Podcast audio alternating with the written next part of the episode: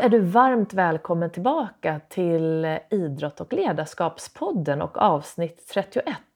Och I det här avsnittet så får du möta Mikael Asp som bland annat är en av Sveriges tidigaste tävlingsdykare och som har innehaft världsrekordet i den inofficiella disciplinen som heter dynamisk apnea. Och det här kommer vi då prata mycket mer om i det här avsnittet. Och vi kommer komma in mycket på områden som andning och mental träning. Hur Mikael gjorde för att förbereda sig inför både världsrekordet men också hur han förberedde sig inför VM i triathlon där han också var med. Och vi kommer också in på tävling och om det är bra eller dåligt att börja tävla i tidig ålder. Så det blir ett spännande avsnitt hoppas jag att du håller med om. Och eh, det blev till och med två avsnitt av det här då det blev ett väldigt långt avsnitt. Så det här blir då det första utav två så att jag hoppas att du hänger med även nästa vecka. Men tills dess så kör vi igång avsnitt ett med Mikael Asp. Varmt välkommen!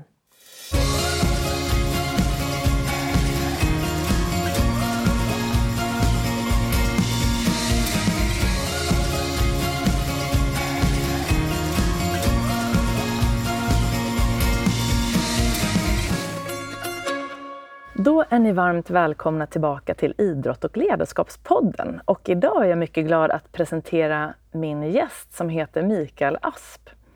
Och eh, Mikael är en av Sveriges tidigaste tävlingsdykare och var med i landslaget 98 på Sardinien där Sverige slutade femma. Och han har också innehaft världsrekordet i den inofficiella disciplinen som heter dynamisk apnea, som vi då ska prata om och Mikael ska få förklara vad det är. Ehm, och idag är han lärare på Mälardalens tekniska gymnasium och har en mycket stor kompetens och erfarenhet inom andning och kopplingen mellan andning och prestation. Varmt välkommen hit Micke! Tack så mycket! Vad kul att du kunde ta dig tid ja. här. Och vi sitter ju idag på, i det här gymnasiet där du ja, jobbar. Precis. Ja. Mm. Och är det något som du tycker att jag har glömt som du vill lägga till i presentationen? Nej, tycker det låter bra då. Och du bor ju ganska nära här, det var därför det passade bra. Det här ja, var lite precis. mittemellan dig och mig. Ja precis, det blir det. Jag bor ute i Nykvarn. Just det, ja. och jag bor i Stockholm så det var ja. precis mittemellan kan man säga. Um, ja, så den här podden handlar ju bland annat, eller framförallt om det här med att eh, sprida kunskap och inspiration om hur man kan prestera på topp och även må bra på vägen. Så vi kommer ju komma in mycket på det med tanke på det du jobbar med. Men lite om din bra bakgrund först och främst främst. Eh, vem är då egentligen Mikael Asp? Ja, om, om vi ser på det idrottsliga så eh, började jag ju med provade lite olika sporter, men framförallt så var det judo som jag började med vid sju års ålder, sex, sju års ålder och höll på med i sju år ungefär. Eh, och sen därefter hade jag något år som det inte var så mycket och sen kom det in på thaiboxning under ett par år. Eh, det som är intressant för, som jag själv när jag reflekterar tillbaka det är att jag tävlade i stort sett ingenting som barn eller ungdom utan det kom senare efter eller samband när jag höll på med thaiboxning så började jag köra lite mer löpträning också och då började jag köra lite motionslopp. Eh, och sen i fridykningen så kom det mer och mer tävling i det och då även inom triathlon och löpning och mm. allting. Och jag tycker det är otroligt kul att, eh, har varit otroligt kul att tävla. Mm. Men jag har aldrig haft eh, det med mig sådär tävlings. Det har inte varit så intressant tidigare. När, hur gammal var du när du kom in på just tävling? Jag tror kanske första löplopp, sådana motionslopp där runt, jag tror det nu var 18-19 kanske. Mm. Och sen så såg jag att jag kunde lägga upp träningen och förändra träningen och, och det blev bättre. Jag egentligen tävla mot mig själv men sen såg jag samtidigt att ju mer jag tävlade ju mer kom jag ikapp de som eh, var bland de snabbaste på loppen. Ja. Eh, och då, då blev det en sporre att fortsätta. Ja, men det funkar. Lägger man upp, lyckas jag lägga upp en bra träning till det så, ja. så ger det resultat också.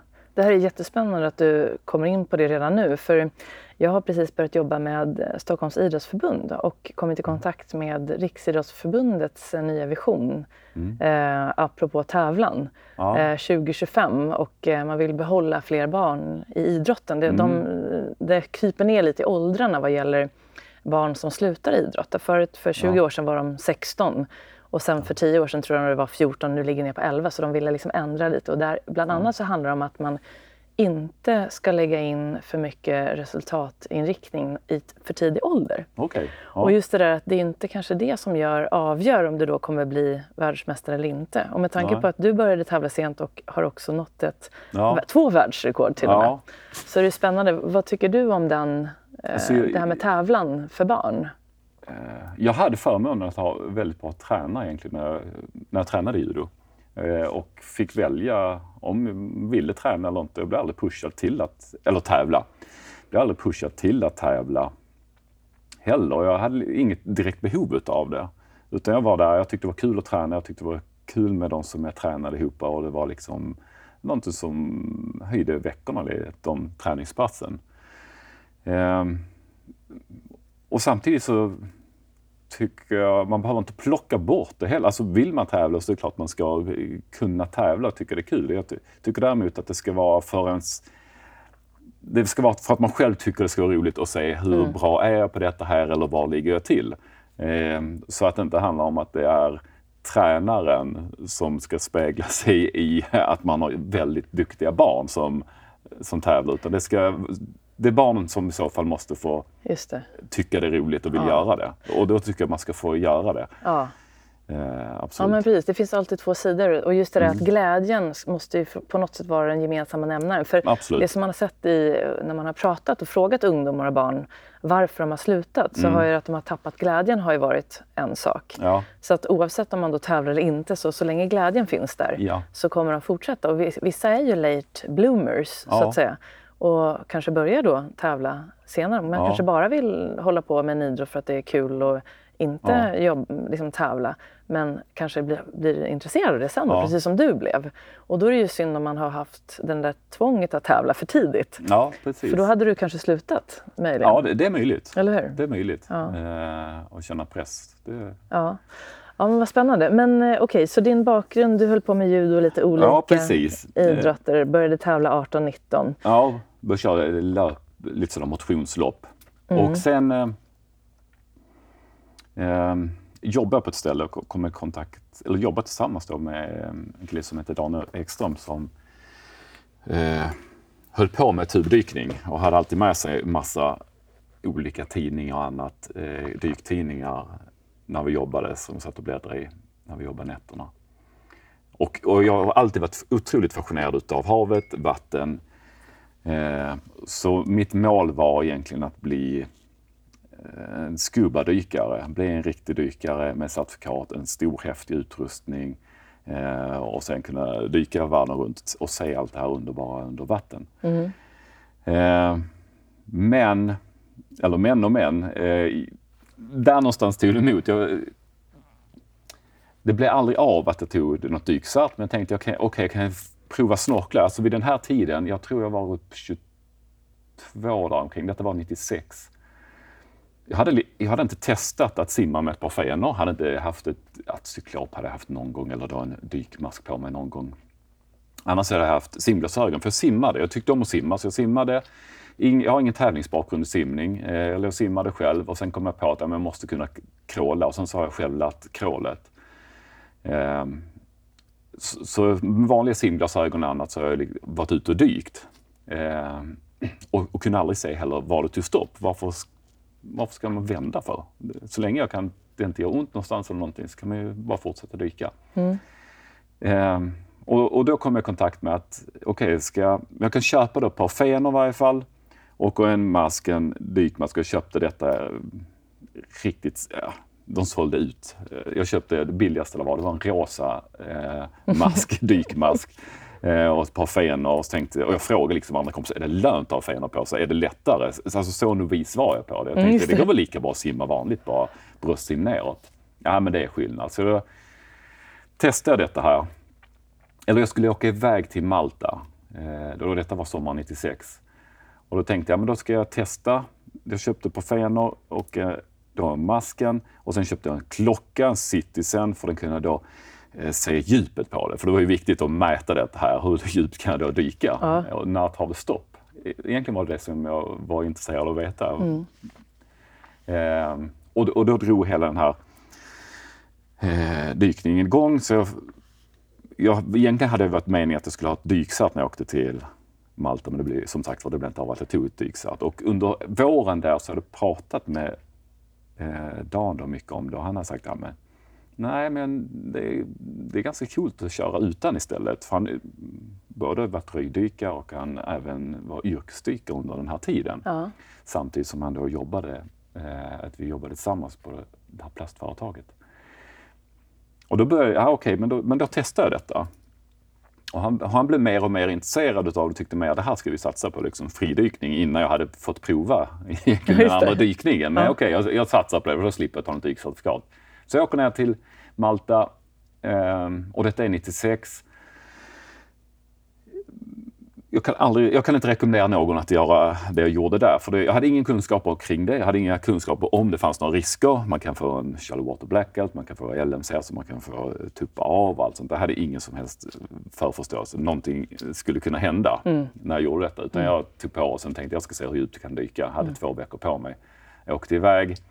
Första dyket jag gör så dyker jag ner och kommer ner på botten och kommer upp och tittar på klockan 17 meter. Och jag blev egentligen inte glad över att, det, att oh, jag lyckas med 17 meter. Jag tänkte nej, nu måste jag hitta något som är djupare för det här var inga problem. Det kan, detta går ju vidare. ja. så, så, under två veckors tid så sökte jag djup runt Malta och runt eh, som jag inte kunde nå. Och visst kom jag till ställen där jag inte kunde nå längre, men då förstod jag att det var den här masken också. För var gång jag kom upp så hade den tryckts in, man blev ju squeezad av att man dyker, men sen så mm. var mm. väldigt hård, dålig mask för fridykning så den mm. tryckte verkligen, gjorde vansinnigt upp, ont i pannan och kom ut med ett kastmärke mellan ögonen. Mm. Helt röda.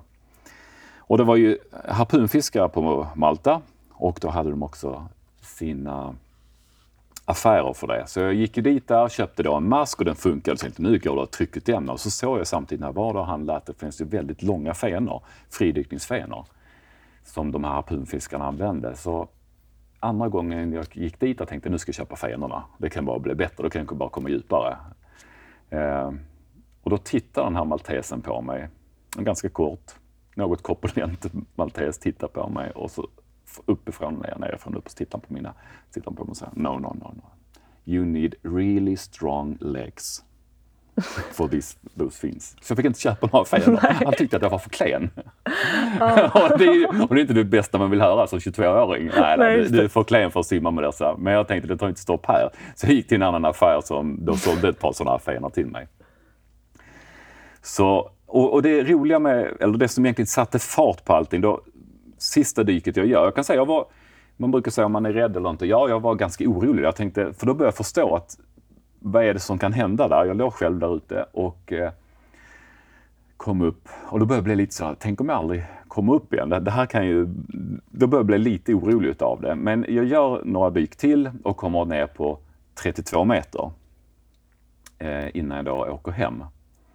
Eh, och när jag kommer hem ifrån Malta, detta är på sommaren 96, så har jag tror jag kom hem på en tisdag eller onsdag och då har precis det första svenska fridykningsrekordet slagits på, under den helgen och det var på 33 meter. Mm. Eh, och det roliga var att under de, två veckorna jag hade varit iväg hade då Dan också köpt ett par exakt samma fenor fast i Sverige. Han skulle övertala mig till att köpa ett par sådana fenor.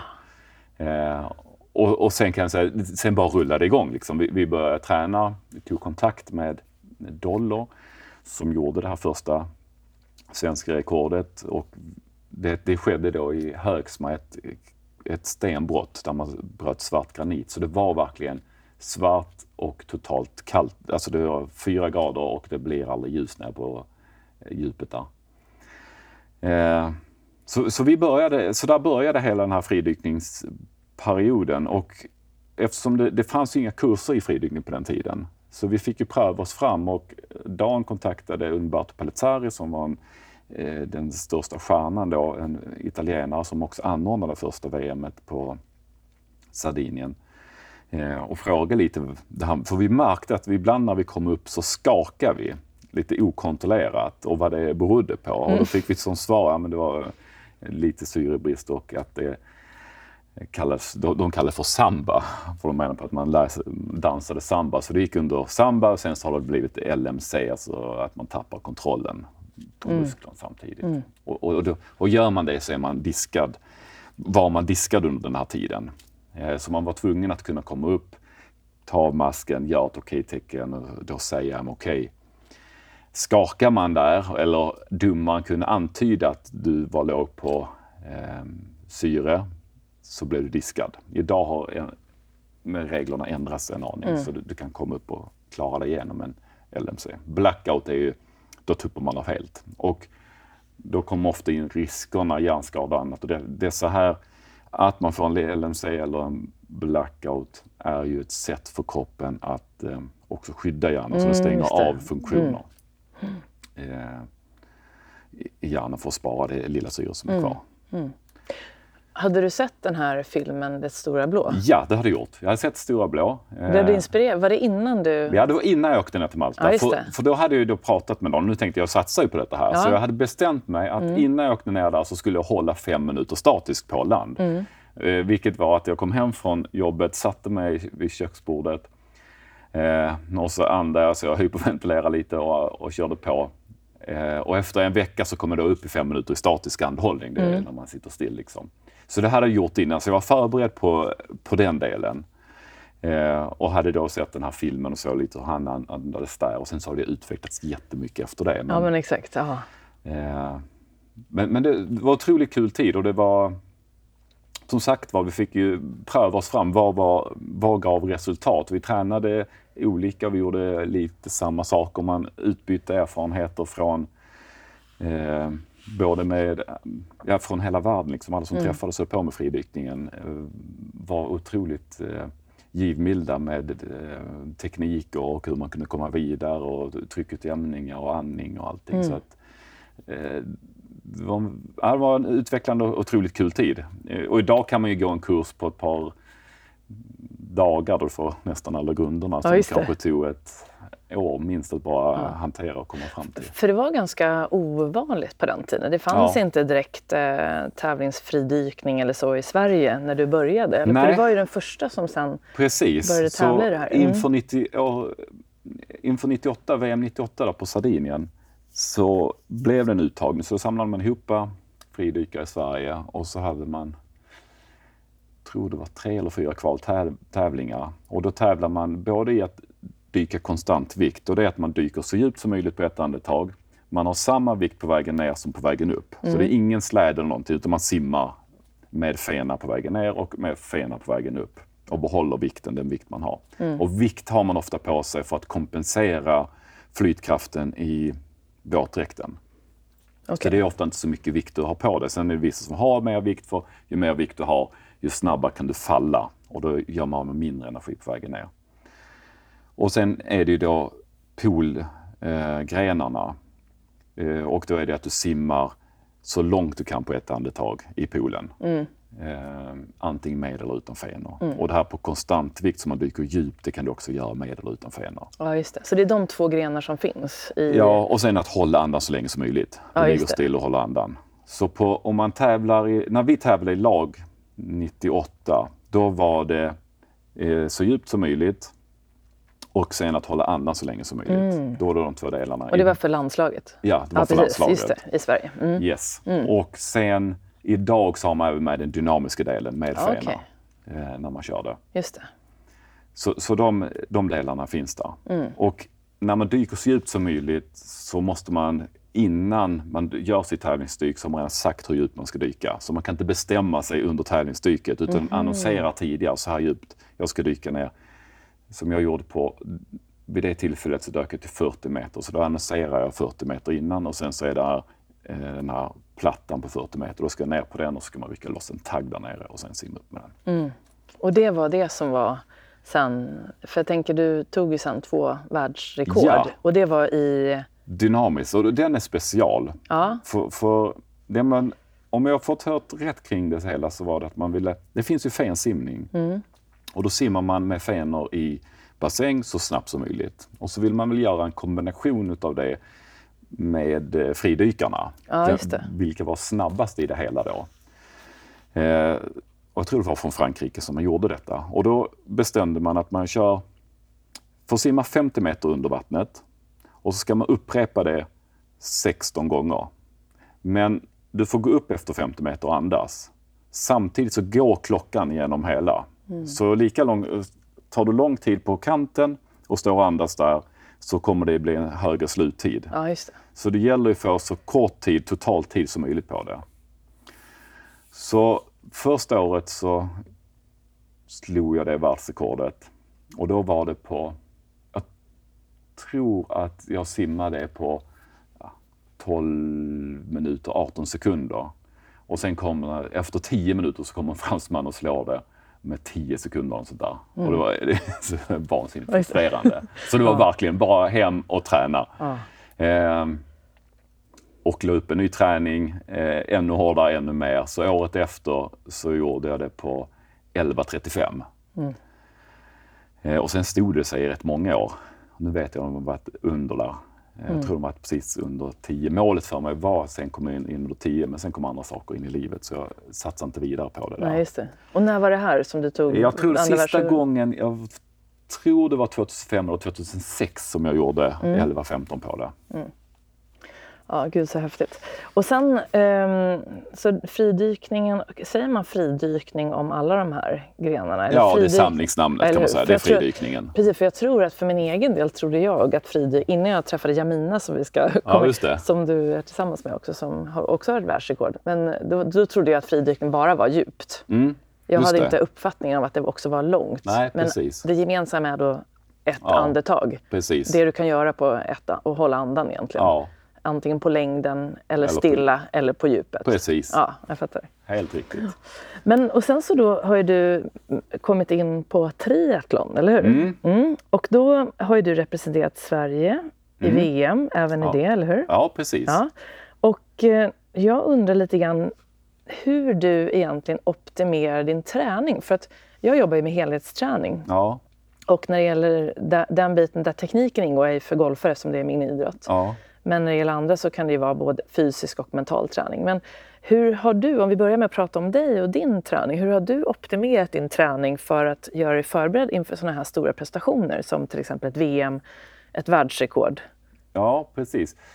Eh, jag kan säga så, äh, lite, lite över det hela så, jag höll på med, med med fridykningen. Samtidigt körde jag löptävlingar blev snabbare och snabbare där. Så det var kul utveckling. Jag har lite svårt att bara nörda in mig totalt på fridykningen mm. utan jag gillade den andra formen av träning också. Mm.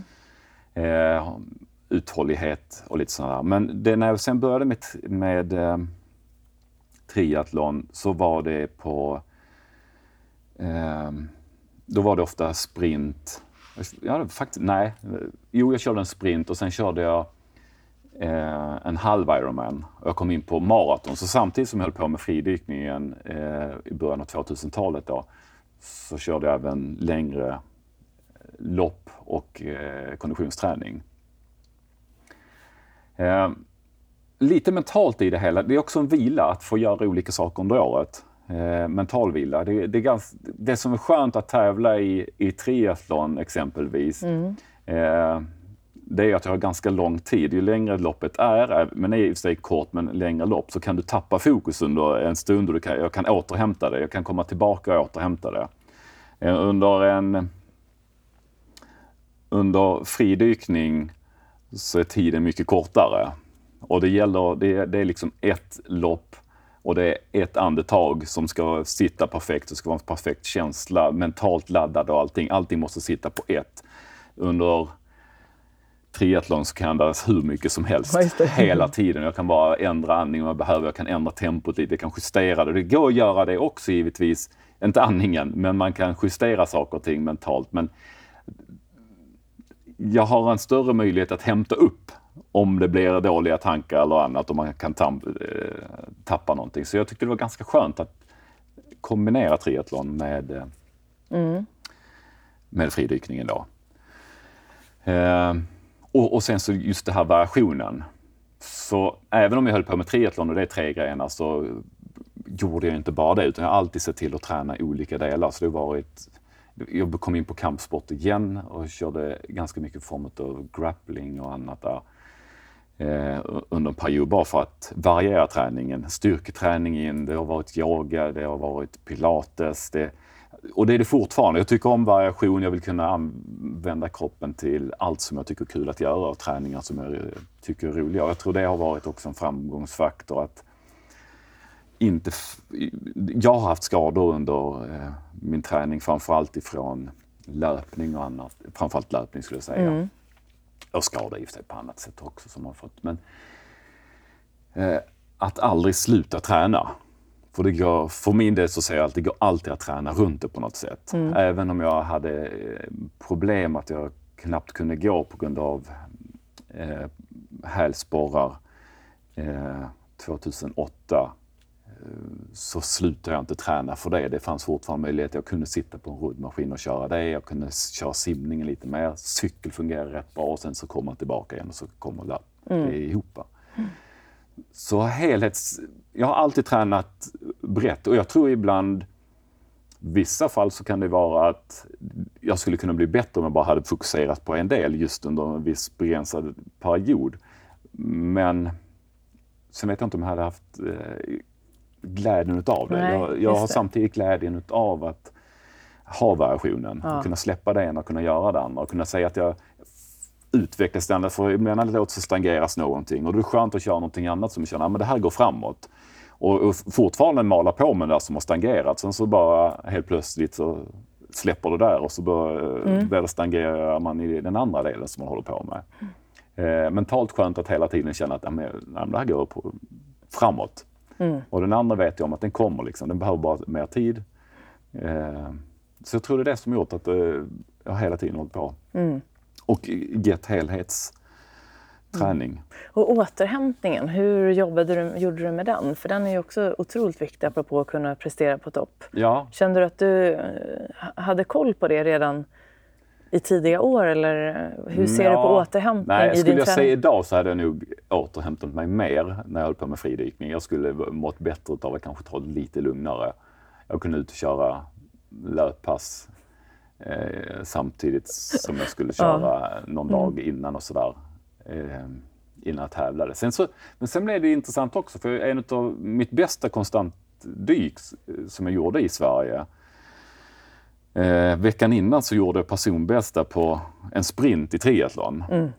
Så att det hänger lite ihop. Mm. Alltså, det här toppar jag ganska svårt för att toppa. Jag får så att jag ska dra ner träningen. Det, och sen kom jag fram till, det var faktiskt ganska sent som jag gick upp för mig hur eh, det viktiga för min del var inte egentligen hur utvilad jag var i kroppen. Eh, utan hur utvilad jag var mentalt. Just det. Av att ta den smärta som krävs när man verkligen ska plocka ut allting. Eh, och, och smärta förknippas väl ofta med något negativt, men jag ser inte det som neg alltså, inte den form av smärta som jag skulle säga som negativt, utan det, det känns som man ska plocka ut sig. Man får vara beredd på att det är syra hela vägen och det, jag måste vara mentalt stark och kunna ja, njuta av det här. Detta funkar. Njuta av syran, att jag kan pressa, pressa på. Mm. Det såg jag var en större framgångsfaktor egentligen, att jag skulle vara utvilad i kroppen. För mm, jag, det var faktiskt... Det blev så påtagligt, för jag sprang Stockholm Marathon. Eh, ja, det var ett år. Jag låg till så jag skulle kunna slå ett väldigt gammalt eh, personbästa. Men sista åtta kilometerna så krampade ihop totalt. Jag tog mig, jag tog mig i mål. Eh, jag har inte brutit någonting än så länge. Mm. Några lopp. Jag har faktiskt undvikit det. Det hade kanske varit, andra skulle säga säkert att det har varit bättre att bryta så hade du inte fått så mycket skador. Bla, bla, bla. Mm. Säkerligen, men mentalt så kändes det bra mm. att inte bryta. Mm. Så jag körde igenom loppet och var så otroligt ja, men varit mentalt utmattad totalt och, och kroppsligt också. Och sen kom vi ner, åkte vi till, dagen efter då Stockholm Marathon, så åkte till Malta även denna gången och ut på den här ön som heter Gozo. Och där kan man då, där var eh, som man kunde hoppa från klippor ner i vattnet. Och när jag kommer dit där, ja, det kan jag säga, det, det, jag är inte tuff för att hoppa från höga höjder. Jag har inga problem att eh, vara på djupa höjder. Jag har inte problem att vara på höjden, men att släppa taget och hoppa ut, där tar det emot. Ja. Eh, och när jag kommer ner där så var en kompis till mig och mina med också som älskar att hoppa. Så han sa, nu hoppar jag och jag bara nej, det finns inte en chans. Alltså, och då kände jag, det, det handlar ju inte om att, att jag inte kan göra det, men jag orkar inte för jag föreställde mig smärta med att jag kommer landa helt fel och så gör det skitont. Jag orkar, alltså, då kände jag så otroligt tydligt, det var i huvudet det satt. Jag orkar inte ta mig smärta utifrån det. det. jag hade känt dagen efter. Det fanns inte en chans att jag orkar inte med det. Att eh, mentalt ställa in mig på, okej okay, nu kör jag. Eh, mm. Och sen efter två, tre dagar hade kommit igång lite, jag började köra lite simning, jag körde lite simning och allting där. Så var det inga problem att hoppa och då kände jag, men vadå, varför skulle jag inte kunna hoppa? Nej. Men just där så var jag så utmattad och framförallt mentalt ja. utpressad. Så då, och då förstod jag hur otroligt, otroligt viktigt den delen är, att mm. jag är mentalt eh, utvilad. Eh, så att jag mm. orkar stå emot och ta den smärtan som man får mm. utav, eller kan få utav tävlingar och annat. Ja, jag förstår. Så jag tänker, det är jättemånga som håller på med triathlon nu, ja. även på amatörnivå. Ja, Korta lopp, lopp till, ja. upp till Ironman. Som jag precis. har en kompis, en min mans kompis, som precis gjorde sin första Ironman i Kalmar. Är det, ja, just det. Ja. Och om, du, om det är någon triatlet nu eller någon mm. som vill sätta igång med triathlon, ska ja. köra till exempel nästa sommar, nu är det ja. i november snart. Då eh, undrar jag, hur, hur, skulle, vad skulle du rekommendera? Finns det någonting du kan säga till dem vad gäller träning? Mm. När man kopplar ihop det här med återhämtning ja. och träning och det här med helhetstänket. Då, för det är ju verkligen ett helhetstänk eftersom det är många olika grenar. Ja, precis. Först och främst skulle jag, beror på vilken nivå man är, men börja med sprint. Triathlon är inte bara Ironman, alltså en lång distans. Finns in, jag ser liksom ingen anledning till att bara stirra sig blind på det och fastna i det. Kör en sprint. Vilket är ett kortare triathlon Kortare, det är 150 liksom. meter simning, det är två mils cykel, det är fem kilometer löpning. Det. det. fixar alla, alltså ja, alla skulle kunna fixa det. Det är inte övervinkomligt. Så triathlon behöver inte vara så otroligt märkligt och sådär jättestort. Utan börja där och känn, få en bra upplevelse av det. Mm. För det är utmanande bara det i början. Och sen just, ju mer man tränar på det, ju mer kommer man också ha högt tempo på det. En sprint är ju sprint, det är liksom eh, syra rakt igenom när man väl kommit igenom. Men som, som nybörjare börja, så det kommer ju vara ett lopp, det kommer vara en upplevelse och det är en underbar upplevelse att tävla i triathlon. Och sen kanske gå vidare till en olympisk distans, då blir det dubbla och sen en eller halv, halv Ironman. Så att man inte behöver stirra sig blind på att den ska vara den här långa. Och sen så säger jag, det är ju min filosofi, det är att effektivisera träningen så mycket som möjligt. Att eh, det behöver inte bli mängden. Eh, det vanligaste som, visst, till en viss nivå så håller jag med, man behöver cykla. Men löpningen brukar de flesta klara av. Eh, lägg hellre in, när man väl kommit igång, kvalitetspass. Jag har försökt lägga det hela tiden. Kvalitetspass, hellre lite mer intervaller, kanske lite kortare pass. De behöver inte ta två, tre timmar utan du får ut mycket på en timme till mm. en halvtimme. Likadant på cykel. Har man möjlighet så att man kan cykla till jobb, från jobb, lägg in det par gånger i veckan. Eller kortare pass. Det, mm. Jag hör hela tiden att cykel tar så otroligt mycket tid. Jag förstår inte varför. För att jag själv har inte lagt spec jag har lagt tid på cykel. Skulle man se från nybörjare eller amatör så skulle man tycka att ja, du lägger rätt mycket tid på det. Men skulle jag titta på de som eh, tävlar med och kommer på samma placeringar så lägger jag väldigt lite tid på det. Jag har aldrig varit iväg på några cykelläger jag har aldrig haft några mm, suttit på en eh, trainer hemma i timtal eller någonting utan jag har kört tempo till jobbet, tempo hem från jobbet. Sen har jag varit ute och kört lite mm, korta runder. Visst, det blir längre och längre, men jag har hela tiden tempo i det. Och jag har lyckats få en otroligt bra utdelning på det. Mm. Istället för att tänka att man måste ut och cykla vansinnigt långt. Eh, och sen så ska det med bara ett malande tempo och sen fikor på det och allting. Det mm. Ja, mitt råd. Cykla och sträva åt det hållet. Jag har ingen kadensmätare eller någonting, jag har bara hastighetsmätare. Det är det enda jag bryr mig om. Eh, då det är säkert de som tycker att det är helt galet. Men jag går igång på en hastighetsmätare. Jag vet vilken hastighet jag vill kunna komma upp i på en tävling, ja. kunna ligga på.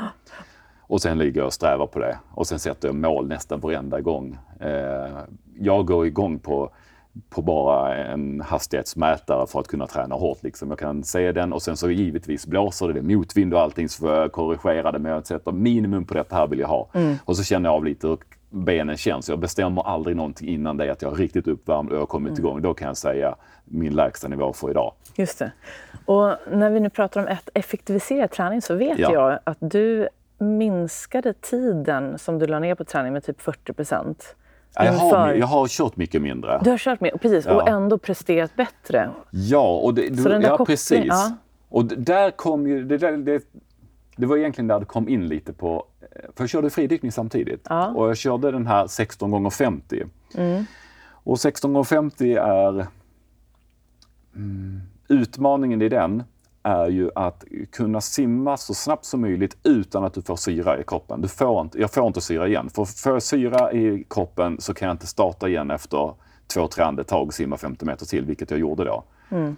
Så jag, det är ett otroligt bra instrument att köra eh, eh, kickarunder och lära känna kroppen. Jag kan pressa så här långt, jag ligger precis på tröskeln och slår men jag får inte slå igenom, då måste jag slå av lite och bli så energisnål som möjligt. Eh, och då märkte jag att jag körde, väldigt, jag körde fridykning, men jag körde egentligen ganska lite mm, triathlonträning mm. förhållandevis med andra. Och då märkte jag att den träningen som jag fick ifrån fridykningen var väldigt högeffektiv mm, och fick med mig det. Och mm. tittar man nu på effekten utav att träna eh, få igång en dykrespons så är det ju eh, stimulerar i, i, vissa fall ett samma stimulans som man skulle kunna jämförtbart med, alltså om man skulle jämföra med någon träningsform så är det höghöjdsträning. Mm. För det man ser att utsätter kroppen för är ju låga syrenivåer och hög koldioxidhalt. Koldioxidhalten i kroppen är den som säger till att du ska börja andas. Så när, man, så när jag körde 16 gånger 50 meter så ökar koldioxidhalten i kroppen jag får egentligen utan problem på två, tre andetag så får jag in syre, tillräckligt mycket syre mm. för, att, för att klara det. Men jag får inte ut koldioxidhalten. Så det är den som säger att du måste andas. Och då gäller det och samtidigt då att inte syra ihop. Så det, det blir en kombination.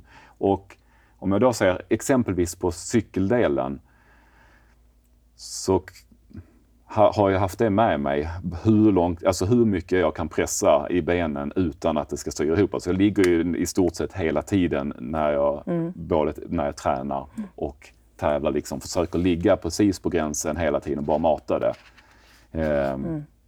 och, och, det gör ju att ja, då blir, det blir snabbcykling utav det för min del. Så, så precis, så att om man ska köra ett triathlonlopp så försöka effektivisera träningen genom att köra eh, kanske kortare distanser. Då, för det, det är precis ja. det här, många har ju problem med tiden också. Ja. Det har jag tänkt, för jag, jag har ju kört ett eh, lite kortare distanser ja. men känner ju att jag har aldrig tränat cykling och jag skulle gärna vilja göra det mer. Men har just den här bromsen för att jag tänker att det tar så lång tid. Och då gör jag det inte istället. Nej, precis. Men att det räcker då med att köra lite kortare distanser ja. och bara, bara man kommer upp på cykeln och, och, bara och lite snabbare. Ja, att man kör eh, snabbare helt ja. enkelt. Fast, eh, ja, precis. Bestäm vilken ungefär hastighet eller vad tid du vill ha på en tävling. Om just det nu är det som triggar en. För mm, det triggar mm. mig i varje fall tillräckligt. Ja, så, så, så, då tänker jag, men jag, jag vill kunna snitta 40 km i timmen. Det var, det var det målet jag hade när jag skulle köra VM. och då, liksom, men då är det dit jag måste gå. jag kan inte ligga och simma för min del kan, tänker jag, jag kan inte ligga i 30 km i timmen och sen förvänta mig att jag ska kunna köra 40 på en eh, tävling. Eh, utan då måste jag upp där och bara känna på den. Och få det i kroppen och sitta där och sen ja. kunna köra det i 12 mm, mil. Ja. Jag ska passa på och rekommendera ett jättefint sånt här sprintlopp. För jag ja. har, bor på Saltarö uppe i Värmdö på sommaren. Ja, okay. ja. Och där finns det ett sprintlopp som joggers.nu, tror jag, eller joggers.se arrangerar varje år. Mm. Det är triathlonlopp med 500 meter simning, en och en halv mil cykling på landsväg och lite på grusväg.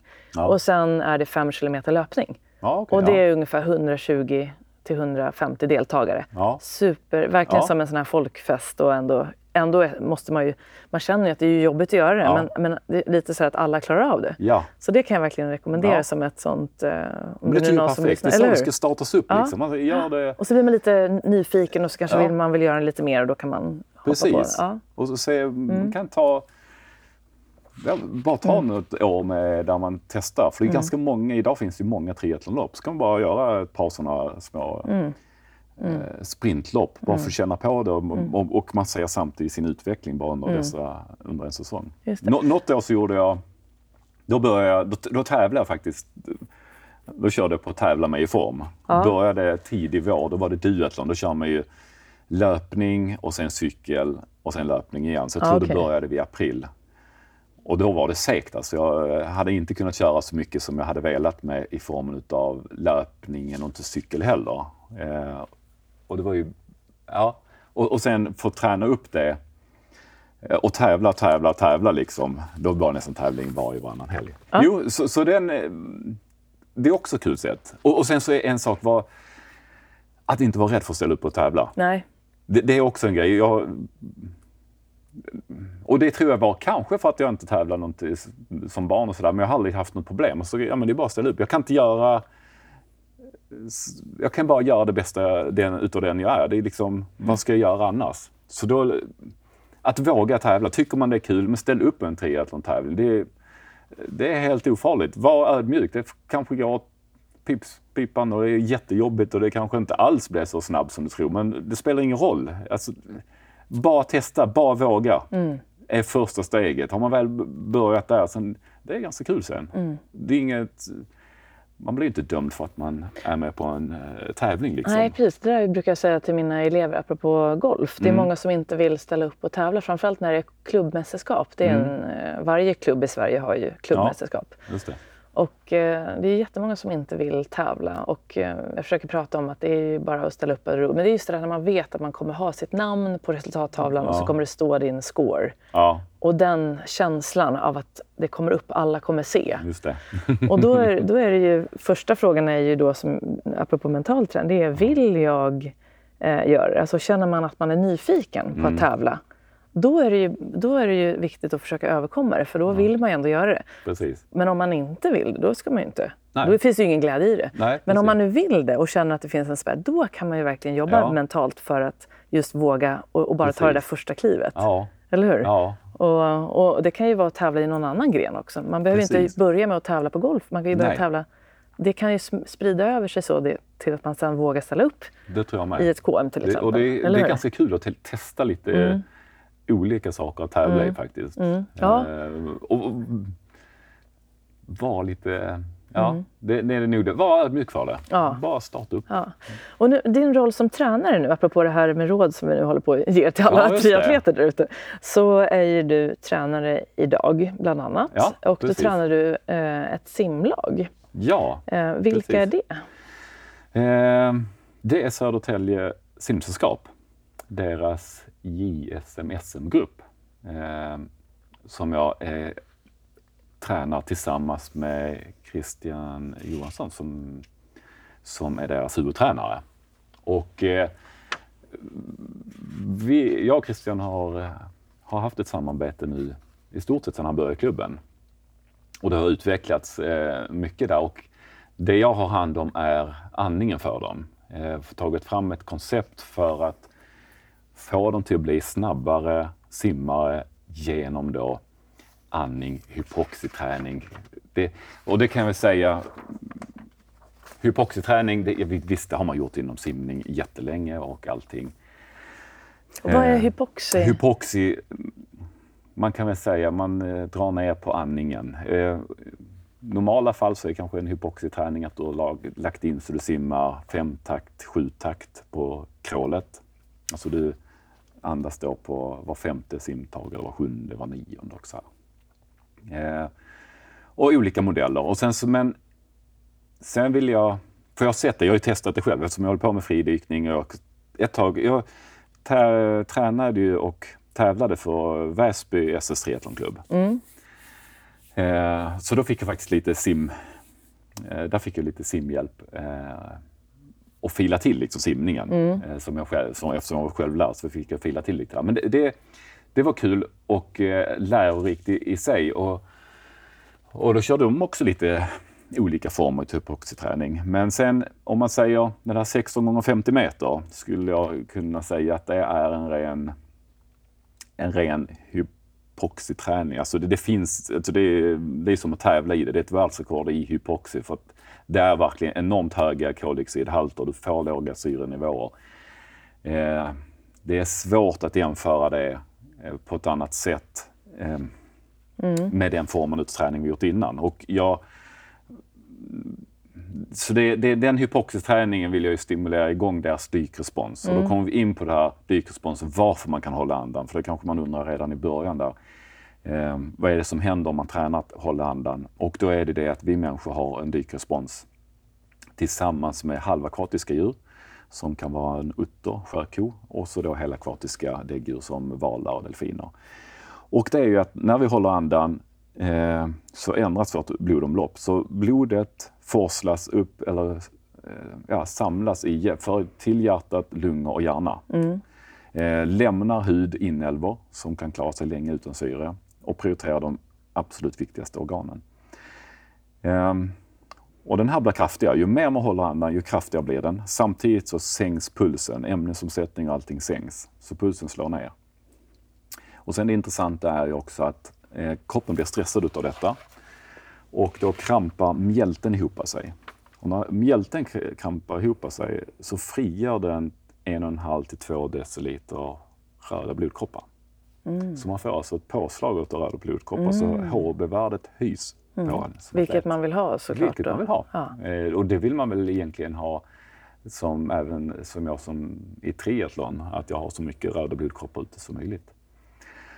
Eh, så det, det är själva dykresponsen. Och ju, som sagt var, ju mer man tränar, ju kraftigare blir det.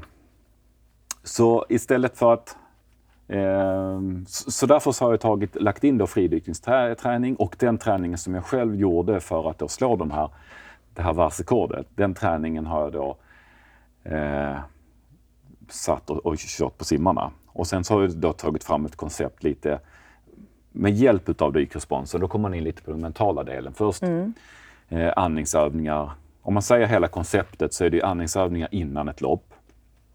Eh, och den delen är ju dels för att, eh, och då, då styr jag, antingen gör de på egen hand eller så kan de göra det på egen hand eller så kan jag hjälpa dem och så styr jag andningen under en ja, fyra, fem minuter. Eh, och det är ett väldigt snabbt sätt att komma i ett, eh, i ett annat mentalt tillstånd. För min del, om, om jag säger för, för mig så är det skulle jag sätta mig och meditera så kanske det tar 20 minuter för mig att hamna i samma tillstånd som jag kommer efter 3-4 minuter av andningsövningar som jag kör med mm. andhållning i. Mm. Vad kan det vara för typ av andningsövning? Eh, och det är då att man håller andan? Man håller andan. Så det är det som är andningsövning? Ja. ja, precis. precis. Ja. Och, då, och för att göra det ännu snabbare så får de göra andhållningar på tumma lungor. Eh, mm. Då höjs ju koldioxid halten snabbare och syrehalten sjunker snabbare. Mm. Eh, så det kan vara andningsövningar. De får först få andas fritt och sen så styr andningen när de ska andas in och andas ut. Och, så, och ser jag lite också på dem hur ansträngande det är det. för dem. Ja. Eh, och, och, jag kan inte garantera, för jag kan inte se det utanpå och mäta det. Men tanken är också då eh, förhoppningsvis, och det de brukar kunna få känna det är, det är att mjälten också har börjat dra ihop sig. Eh, och då har vi frigjort fler röda blodkroppar. Det är en bonus som man skulle som få in i det. Mm. Eh, och sen så är det ju, vad man har sett så tar det ungefär, om man har hållit andan och fått igång dykresponsen så är kroppen triggad till detta ungefär en 10-15 minuter efter man har gjort det. Mm. Sen börjar eh, det slår lite olika men sen börjar mjälten dra tillbaka sina röda blodkroppar. Så efter det så brukar jag be dem att liksom köra någon andhållning själv också. Mm, just det. Eh, när de går in till call room eller någonting. Mm. Och sen på startpallen så eh, kör vi med ett fullt andetag där. Så, så istället för att ta sista andetaget när du slänger dig ut eh, och starten går, mm. så tar du sista andetaget redan på startpallen och ja. fyller upp lungorna maximalt där. Och det var också en sån grej som jag såg när jag, mm, jag var med i olika eh, forsknings eller tester, både Karolinska och nere på Lunds universitet. Eh, när jag höll på med fridykning mm. och så gjorde de eh, lungvolymstester och allting. Och då mm. såg jag själv hur stor skillnad det var om jag tog ett långsamt andetag eller om jag tog ett snabbt andetag in. Mm. Och det skilde ju på, för min del, nästan en liter där. Och, tänk om man, och då såg jag liksom, ta ett långsamt och verkligen fyller upp, så tar det kan ta ganska lång tid att fylla upp sina lungor. Liksom. Mm, eh, och, och, jag, och jag tänkte, du kan aldrig få in det på en start. Nej. Slänga det in. Och det tar för lång tid. Alltså, du, får, du kan aldrig fylla dina lungor max Nej. om du gör det samtidigt som du startar. Just det. Och samtidigt så har du byggt upp ett litet tryck så att du är ganska explosiv i mm, läget mm, om du mm. har fulla lungor. Mm. Eh, så då full, eller fulla lungor där. Och har du mer luft med dig ut om du, än om du bara slänger ut det annars så får du ett bättre vattenläge. Så ja, då ligger du högre upp, går snabbare att simma. Mm. Eh, och sen är ju tanken att i alla fall de 25 första, alltså, ha, alltså det är känslan när man håller andan och eh, har detta vattenläget, det, det är ju lättare. Det, det, är inte som, det är inte det första du tänker att jag måste andas nu, utan det är ganska lätta, lättvunna, enkla 25 snabba meter. Mm. Sen kickar de också innan de kommer upp där. Eh, och sen är det ju en vändning, kickar därifrån också, ett undervattensarbete och sen kommer de upp. Och är det då målet är ju att, det beror på ålder vilken nivå man är på, men det är ju att kunna göra liksom 50 meter frisim, 50 meter fjäril utan andning alls. Mm. Det går snabbare. Man räknar ungefär en tiondel per andning kostar det. Um, och sen är det då längre distanser eh, som 100, 200, 300 så brukar vi säga, men är det lätt så håll första 25, liksom, ta den. Eh, mm. Eh, och sen eh, andas, men kan vara, se till så att du får bra UV-kickar. Och, men framförallt de sista metrarna, att liksom kanske från 8 till 12-15 meter, ta ditt sista andetag där. För de andetagen du tar precis sista metrarna där, de, den luften får du inte ut i, kan jag inte säga kommer ut i, i kroppen. Nej. Utan du tappar bara tid på att andas. Mm. Och samtidigt så tar man den andningen och har fart med sig så känner man också, det blir lite som man kör styrketräning, man vill ha tryck i kroppen. Det, det byggs när man håller andan ju. Eh, så, så, man kan få en ganska bra eh, fart in i, mm. i, i mål då. Genom att då hålla, hålla sista metrarna in där. Just det. Och det här laget är ju nu en av de bästa juniorklubbar i Sverige just nu. Ja, Visst är det så? absolut. Så, har du märkt en stor skillnad i och med att den här träningen har kommit in i deras träning? Det här med Ja, men det har det. Jag, jag kan ju mm. se hur, hur, mycket bättre de har blivit um, i, i både alltså om man säger hypoxiträning, den träning vi gör, den fridykningsträning som jag gör tillsammans med dem, där ser jag, alltså, de utvecklas ju jättemycket där. Mm. Eh, enormt duktiga på det. Eh, och sen så kan jag säga ihop då med den träning som Christian lägger upp eh, och den toppningen som vi har tillsammans där jag lägger upp en andningsträning under två veckor för att då få en ännu mer skjuts på dykresponsen och så eh, toppningsträningen som kombineras ihop med detta. Så har vi sett att det, det blir bättre och bättre för varje år. Vi får mm, vad ska man säga, vi blir mer och mer eh, finjusterar ihop det så att det ska passa dem så bra mm. som möjligt. Mm. Eh, och på dessa åren så, så, har vi ju, jag tror vi var året innan, jag tror vi hade två, eller klubben hade då två, tre stycken eh, simmare till SM, JSM. Mm. Och sen när vi hade kört detta här, vi hade kombinerat ihop oss, så tog vi över 20 medaljer. Ja, Fantastiskt. Och sen har det hållit där och eh, ja, så det, så det, och, och, vi har ju sen gått då från, jag tror det var ja, 15, någonstans mellan 15 och 20 bästa klubben till då ligga i bland de bästa mm. två, tredje mm. placering mm. på klubbar för juniorer. Ja.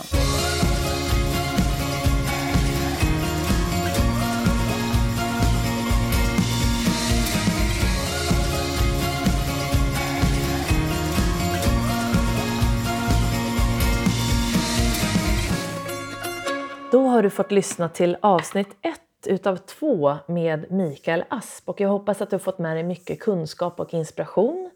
Och eh, i nästa avsnitt så kommer vi fortsätta prata om eh, Mikaels roll som tränare och atlet. Och vi kommer också gå in på vad det är för egenskaper som är viktiga för att vara en tränare, en bra tränare. Och så går vi vidare in och dyker in i området mental träning och du kommer få flera bra övningar och tips, eh, bland annat inom andning. Så jag hoppas att du eh, är med oss även nästa vecka och eh, tills dess så ta hand om dig så ses vi. Hej då!